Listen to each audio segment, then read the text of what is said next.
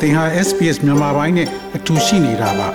sbs.com.au/burmese မှာပုံမထူးခဲ့တဲ့သတင်းစာမားတွေကိုရှားဖွေပါ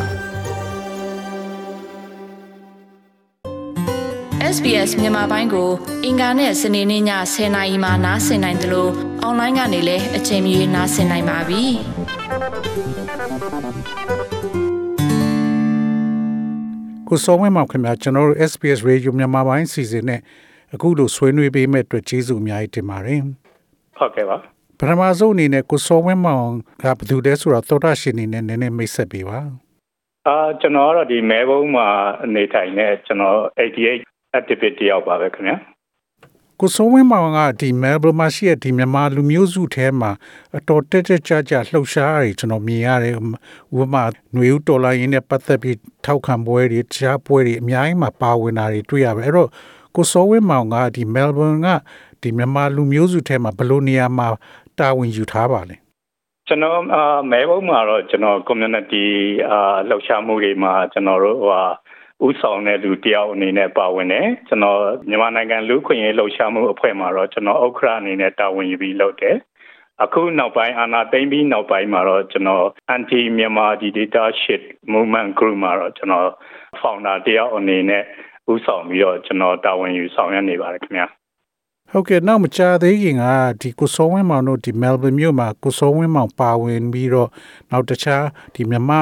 လူမျိုးစုတွေရဲ့အဝတ်စုံတွေအစုံနဲ့ interfaith ဘာသာပေါင်းစုဆူတောင်းပွဲတစ်ခုပြုလုပ်ခဲ့တယ်လို့သိရပါတယ်အဲ့ဒါနဲ့ပတ်သက်ပြီးနည်းနည်းပြောပြပေးပါဟုတ်ကဲ့ဒီ interfaith ဆူတောင်းပွဲကတော့ကျွန်တော်တို့ Wyndham Vale မှာပေါ့ခင်ဗျာကျွန်တော်တို့မဲဘုံရဲ့မြောက်ပိုင်းပေါ့နော်ဒီဘက်မှာကျွန်တော်တို့လုပ်ဖြစ်တယ် အဲ့ဒီမှာဘာသာပေါင်းစုံပေါ့ကျွန်တော်ဗုဒ္ဓဘာသာခရစ်ယာန်ဟိန္ဒူအာမွတ်စလင်အကုန်လုံးကနေပြီးတော့သူတို့ရဲ့ဘာသာတွေကိုသူတို့ present လုပ်ကြတယ်ပေါ့နော်ကျွန်တော်တို့မတိရချင်းအချင်းချင်းဖလှယ်ကြတယ်မေးမြန်းကြတယ်အဲ့ဒီကနေသူတို့ရဲ့ရည်ရွယ်ချက်ကတော့ကျွန်တော်တို့တွေအာအကုန်လုံးငြိမ်းချမ်းတဲ့ကဘာကြီးပေါ့လေဒီ Australia မှာ multicultural နဲ့လည်းတွားတယ် multi faith အနေနဲ့လည်းကျွန်တော်တို့တွေကငြိမ်းချမ်းချမ်းနဲ့ဒီ community ကောင်းကျိုး အာလူသားကောင်းကျိုးအတွက်ကိုဆောင်ရွက်ကြမယ်ဆိုတဲ့ရည်ရွယ်ချက်နဲ့စုစည်းပြီးတော့ကျွန်တော်တို့အဓိကကတော့ Winton City Council ကနေဥဆောင်ပြီးတော့လုပ်ခဲ့တာပါခင်ဗျဘာသာပေါင်းစုံပြောတဲ့နေရာမှာဒီမြန်မာလူမျိုးစုတွေပဲလားမဟုတ်ဘဲနဲ့တခြားနိုင်ငံလူမျိုးစုတွေရောပါပါလားဟုတ်ပါတယ်တခြားနိုင်ငံလူမျိုးစုတွေလားအကုန်ပါပါတယ်ခင်ဗျ ဟုတ်ကဲ့အဲ့မှာဒီမြန်မာရိုးရဒီမြန်မာတိုင်းသားဝစ်စုံတွေနဲ့ကာပွဲတွေပါလောက်တာဟောအဲ့ဒါဘာအတွက်ကြမှာလဲအာကာပွဲကတော့တကယ်ကတော့ပါဟိုပါပေါ့နော်ဒီ multi faith ဟိုဟာနဲ့တော့တိတ်တော့ဟိုမသက်ဆိုင်ဘူးဒါပေမဲ့ဒီဟိုတက်ရောက်လာကြတဲ့ editor တွေအကုန်လုံးဖျော်ပြတဲ့အနေနဲ့ပဲဖျော်ပြရေးကဏ္ဍအနေနဲ့ပါဝင်ပတ်သက်ခဲ့တာပါခင်ဗျအဲ့တော့အဲ့ပွဲကအတော်လေးအောင်မြင်တာပေါ့နော် အာအောင်မြင်ပါတယ်ခင်ဗျာဒီဘက်ဗမာကျွန်တော်တို့ဗမာ community Korean community အဓိကပါခင်ဗျာဒီဘက်မှာရှိတဲ့ဒီဗုဒ္ဓဘာသာ Christian Hindu အကုန်လုံးသူတယောက်နဲ့တယောက်ယဉ်နေချစ်ခီချစ်ချီမှုရှိတယ်ဘာသာပေါင်းစုံအတူတကွအာလက်တွဲနေထိုင်ကြမယ် community တိုးတက်အောင်လုပ်ကြမယ်ဆိုပြီးတော့ယဉ်နေချစ်ချီမှုတွေအများကြီးရရှိခဲ့ကြပါတယ်ခင်ဗျဟုတ်ကဲ့နောက်တစ်ခုကကိုစိုးဝင်းမောင်ကဒီ Labor Party ကိုထောက်ခံတဲ့လူတယောက်ပါနော်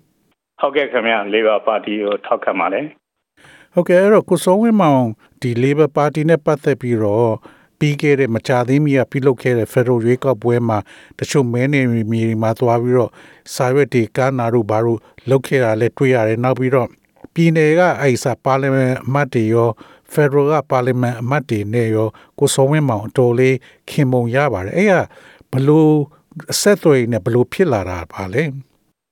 အာကျွန်တော်တို့ဒီကျွန်တော်စရောက်တဲ့ကပေါ့ခင်ဗျာကျွန်တော်နိုင်ငံရေးကိုတက်တက်ဝင်လုပ်တယ်လူခွင့်ရေးကိစ္စတွေလုပ်တယ်လူမှုရေးကိစ္စတွေ community ကိစ္စတွေလုပ်တော့ကျွန်တော်တို့အဓိကကတော့ကျွန်တော်တို့ဟို Labor Party ပေါ့နော် Labor Party ကိုပဲကျွန်တော်တို့ချင်းကပ်တယ်ချင်းကပ်ပြီးလက်တွဲလှုပ်လာတဲ့အတွက်ကျွန်တော်ဩစတြေးလျရောက်တာကျွန်တော်25နှစ်ရှိပြီဖြစ်တဲ့အတွက် Labor Party ကတချို့အမတ်တွေ အာနဲ့ကျွန်တော် personal ရင်းနှီးမှုထိတွေ့မှုနှွေးထွေးမှုတော်တော်ရှိတယ်လို့ကျွန်တော်ပြောလို့ရတယ်ခင်ဗျ။ဘာဖြစ်လို့ Labor Party နဲ့တွဲလောက်ရလဲဆိုတော့သူတို့ကကျွန်တော်တို့ရဲ့ဒီမိုကရေစီကောင်းဆောင်ဒေါ်ဆန်းစုကြည်ကိုသူတို့ကဒီမိုကရေစီနဲ့လူ့အခွင့်အရေးရဲ့ icon အဖြစ်နဲ့သူတို့လေးစားကြတယ် ကျွန်တော်တို့မြန်မာပြည်ကြီးကိုဒီမိုကရေစီရဖို့လူ့အခွင့်အရေးတွေအပြည့်အဝရှိဖို့ကိုအစဉ်ဆက်မပြတ်ဒီ Labor Party ကနေပြီးတော့ကျွန်တော်တို့ကိုသူတို့တတ်နိုင်သေးတအားသေးပေါ့နော်ကူညီပံ့ပိုးတောက်လျှောက်ကူညီလာကြတဲ့ဒီအမတ်တွေဖြစ်တယ်ခင်ဗျအဲ့ဒီအတွက်ကြောင့်မို့လဲကျွန်တော်တို့က Labor Party ကိုဟိုအဓိကအာပံ့ပိုးတယ်ထောက်ပံ့တယ်ကျွန်တော်တို့အာအပြန်လှန်ပေါ့နော်အကူအညီရိုင်းမြမှုတွေရှိတယ်ခိုင်မြဲလာတယ်လို့ပြောလို့ရပါတယ်ခင်ဗျ ဒီ Labor Party ထဲမှာပါတဲ့အမတ်အားလုံးပေါ့လေကိုစောဝင်းမောင်နဲ့သိတဲ့အမတ်ဒီအားလုံးကဒီမြန်မာပြည်အရေးနဲ့ပတ်သက်လို့ရှိရင်သူတို့အတော်လေးထိတွေ့မှုရှိရဆိုတဲ့သဘောပါလားဟုတ်ကဲ့ကျွန်တော်တို့ Claire O'Ne ဆိုရင်ကျွန်တော်တို့ Hawthorne Electric နာမည်ကနေပြီးတော့သူကဒီအခု New Labour Government မှာသူက Home Affairs Minister ဖြစ်သွားတယ်ခင်ဗျပြီးတော့ Peter Carley တို့ Julian Hale Mass Dreyfus တို့ Chanel တို့ပါတော့ကျွန်တော်တို့ဒီမြန်မာ community နဲ့ကျွန်တော်တော်တော်ရင်းနှီးနှီးရှိတယ်မြန်မာပြည်ရဲ့လူ့အခွင့်အရေးနဲ့ human right ကိစ္စတွေ democracy ရဲ့ကိစ္စတွေကိုသူကအတိုက်ခံဘဝမှာ တဲကပေါ့နော်ဒီဟာတစိုက်မမတ်သူတော့ဒီဒီဟာကိုကျွန်တော်တို့အကူအညီပေးခင်နဲ့အမှတ်တွေဖြစ်တယ်ခင်ဗျ Claire Only ဆိုလို့ရှိရင်လည်းကျွန်တော်တို့ NLD ရွက်ကောက်ပွဲဝင်တယ်အောင်အောင်နိုင်ရေးစပြီးလုပ်တဲ့ကကျွန်တော်တို့ Claire Only နဲ့ဆွေးနွေးမှုရှိတယ်သူကပါလီမန်မှာသူမြန်မာရေးရာကိစ္စတွေကိုအစဉ်ဆက်မပြတ်သူကတင်သွင်းပြီးတော့ကျွန်တော်တို့မြန်မာဒီမိုကရေစီရေးအတွက်ကိုတောက်လျှောက်ကူညီလာခဲ့တဲ့အမတ်တယောက်ဖြစ်တယ်ခင်ဗျ အခုကကျွန်တော်ဒီကံကောင်းစွာနဲ့ပဲပေါ့နော်ဒီ Claire O'Neill ကကျွန်တော်တို့ Home Affairs Minister အာတာဝန်ပေးခြင်းခံရတယ်ဒီ New Labour Government မှာပေါ့နော်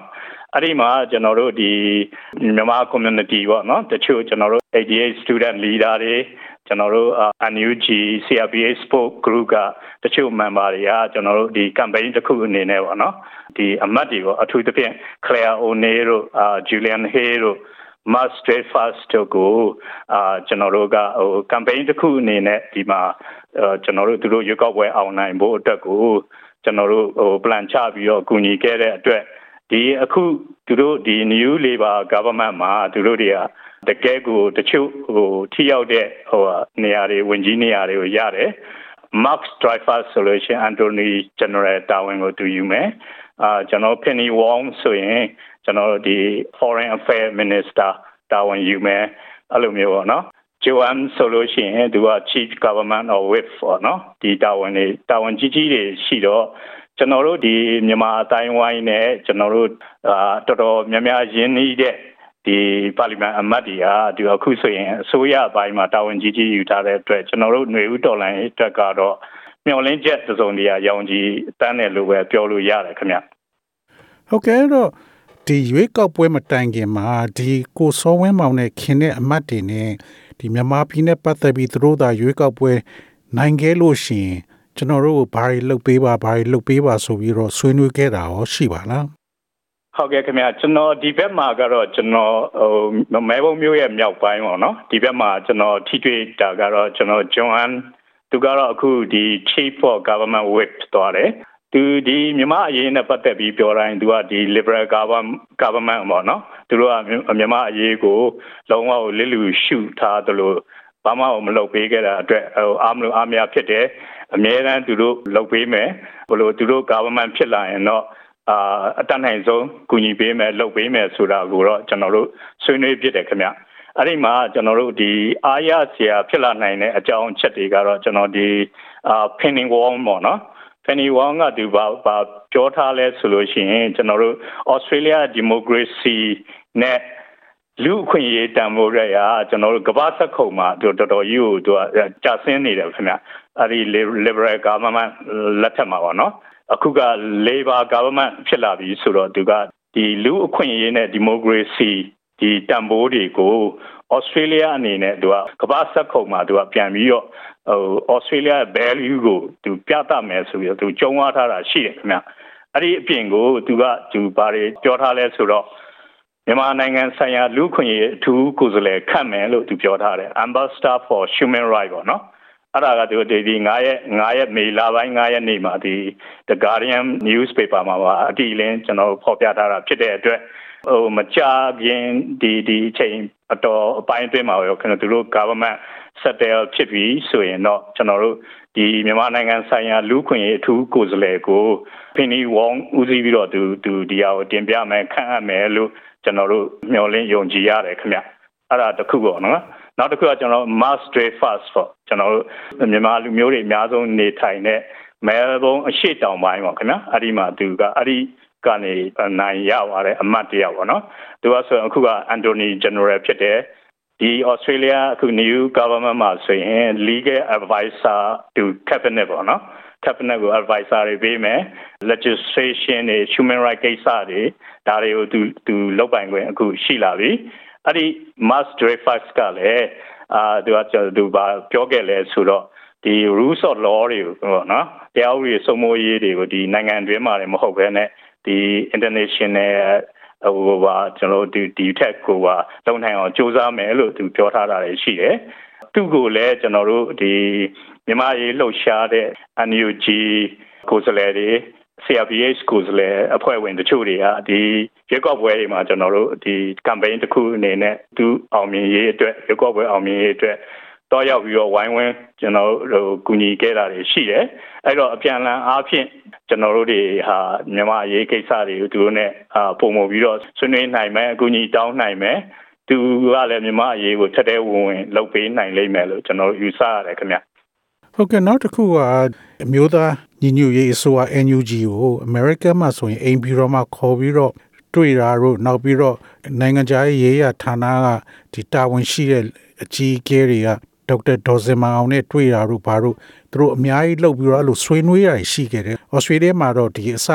Scott Morrison ဆိုကလုံးဝစိတ်မဝင်စားခဲ့ဘူး။အခု Penny Wong ကနိုင်ငံခြားရေးဝန်ကြီးနောက်ဒီ Home Affairs Minister တို့ဘာတို့ကရောအခုလို NUG အဖွဲ့အဝင်ကြီးတွေနဲ့တွေ့ဖို့စကားပြောဖို့ရောအစီအစဉ်တွေရှိပါလားဟုတ်ကဲ့ကျွန်တော်တို့တော့အဲ့ဒါကိုမျှော်လင့်ပါတယ် အာအရင် liberal government တဲ့ကကျွန်တော်တို့သူဘာမှမလုပ်ခဲ့ပေမဲ့ကျွန်တော်အတန်တက်တဲ့တော့ထွက်တယ်အာဒေါက်တာစင်မအောင်ဒီဒီလာမယ်ဒေါက်တာစင်မအောင်ဖိတ်မယ် ကျွန်တော်တို့ Australia Parliament တဲကိုလာမယ်ဆိုပြီးတော့ကျွန်တော်တို့ဒီမှာအတန်ထွက်နေတာတော့ရှိပါတယ် Liberal government ကပြုတ်သွားတယ်မဖြစ်ခဲ့ဘူးပေါ့ခင်ဗျာဖြစ်ခဲ့ဘူးဆိုတော့ခုနကျွန်တော်ပြောသလိုကျွန်တော်တို့မြန်မာ community နဲ့ကျွန်တော်တို့ရင်းနှီးကျွမ်းဝင်နေထွေးမှုရှိတယ်ပြီးတော့ဒေါအောင်ဆန်းစုကြည်ကိုလေးစားမှုရှိတယ် icon တယောက်လိုဖြစ်တယ်ပြီးတော့ဒီမိုကရေစီလူ့အခွင့်အရေးတွေကိုကမ္ဘာဆိုင်ချိန်မှီပြန်လုပ်မယ်ဆိုတဲ့ဒီပင်နီဝေါန်တို့နိုင်ငံခြားရေးဝန်ကြီးတွေဖြစ်လာပြီဆိုတော့ ဒီဒေါက်တာစင်မောင်တို့လို NUG เนาะတကယ်အကောင်းဆောင်တွေကိုဒီပါလီမန်ကိုဖိတ်ပြီးတော့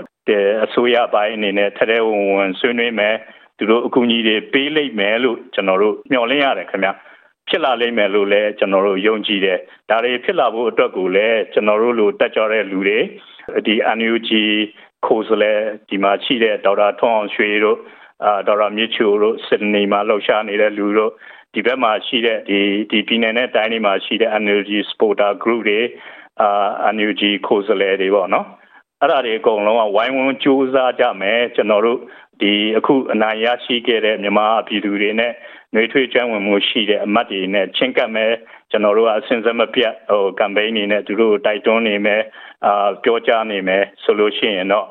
ဒေါက်တာစင်မအောင်တို့ NUG ကိုယ်စားလှယ်တွေနဲ့ကအနည်းနဲ့အမြန်ဖြစ်လာမယ်လို့ကျွန်တော်တို့ယုံကြည်တယ် ဒီထက်အပြင်ကျွန်တော်တို့ဒီစနေတာတယောက်ကကျွန်တော်တို့ဒီခရစ်စတီနာပေါ့နော်သူကလည်းအာ labor senator အမတ်ပေါ့နော်သူကပါ targeted sanction ပေါ့နော်အဲ့ဒါတွေကိုသူလုပ်မယ်ဆိုပြီးတော့ trade union နဲ့ human rights watch တွေ Australia Council for International Development အတွင်းနေအာ money NGO ပေါ့နော် NGO ပေါင်းများစွာနဲ့ဒီအောင် campaign လုပ်ပြီးတော့ဒီဒီအရင် liberal government မှာတည်းကသူက ဒီကိစ္စ targeted sanction ကိစ္စကိုလှုပ်ဖို့ကိုသူတို့ဆော်ဩတယ်အာအဲ့ဒီအတွက်ကြောင့်ဒီ targeted sanction ကလည်းကျွန်တော်တို့ကအနည်းနဲ့အမြန်ဖြစ်လာလိမ့်မယ်လို့ကျွန်တော်တို့ယူဆရတယ် Labor government တက်လာတိုင်းကျွန်တော်တို့ကဟိုမြန်မာဟို democracy ရေးနဲ့ human right ကိုသူတို့ကအကူအညီလေးရှိတယ်ဟိုအရင်2008ခုနှစ်ကနေ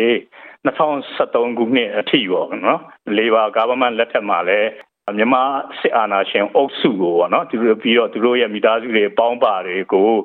400ကျော်463ကိုသူက targeted sanction ပြစ်မှတ်ထားပိတ်ဆို့မှုတွေသူတို့လုပ်တယ်ဗန္နာရေးကပြစ်မှတ်ထားတယ် PVP ဝင်ဝင်ဗီဇာတွေကိုပိတ်တယ်အာအဲ့ဒါတွေကိုသူတို့ဟို Labor government ကဒီလောက်လာနိုင်ခဲ့တယ်လောက်ခဲ့ရတယ်ပေါ့နော်ကုညီပေးခဲ့တယ်ဒါပေမဲ့ liberal government လည်းတက်ကောအဲ့ဒါတွေကိုပြန်ရုပ်သိမ်းသွားတာကကျွန်တော်တို့ကအခုအထိပဲပေါ့နော် ကျွန်တော်တို့ဒီအာနာသိန်း February 2000တခုနှစ်ဖေဖော်ဝါရီမှာဒီစစ်စစ်ဂျမ်ဖက်အုပ်စုကအာဏာကိုမတရားသိမ်းလိုက်တဲ့အချိန်မှာလဲ Liberal government ကကျွန်တော်တို့လစ်လူရှုပြီးတော့ဒီဘာမှမလုပ်ခဲ့တာများတယ်ခင်ဗျဒါပေမဲ့အတားတွေကအခု Labor government မှာတော့ဒီ targeted sanction တွေဒီစစ်ကောင်းဆောင်တွေစစ်အုပ်စုတွေပေါင်းပါတွေကိုပြည်ဝင်ဝင်ဗီဇာတွေဗဏ္ဍာရေး sanction တွေဒီဟာတွေကို အမြန်ဆုံးလှုပ်လာလိမ့်မယ်လို့ကျွန်တော်တို့အယုံကြည်မျှော်လင့်ပါတယ်ခင်ဗျ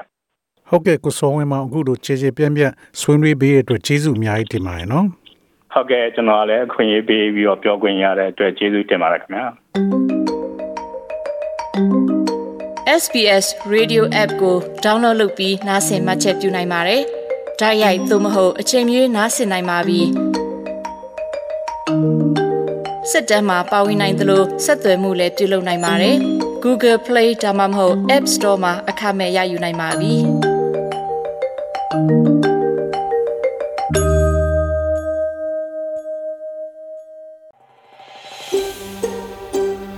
ဒါမျိုးသတင်းဆောင်မာတွေကိုပိုနားဆင်လိုပါလား Apple Podcast Google Podcast Spotify တို့မှာသင်ပင်ရာဖြစ်ဖြစ်ရယူတဲ့ podcast ကနေပါ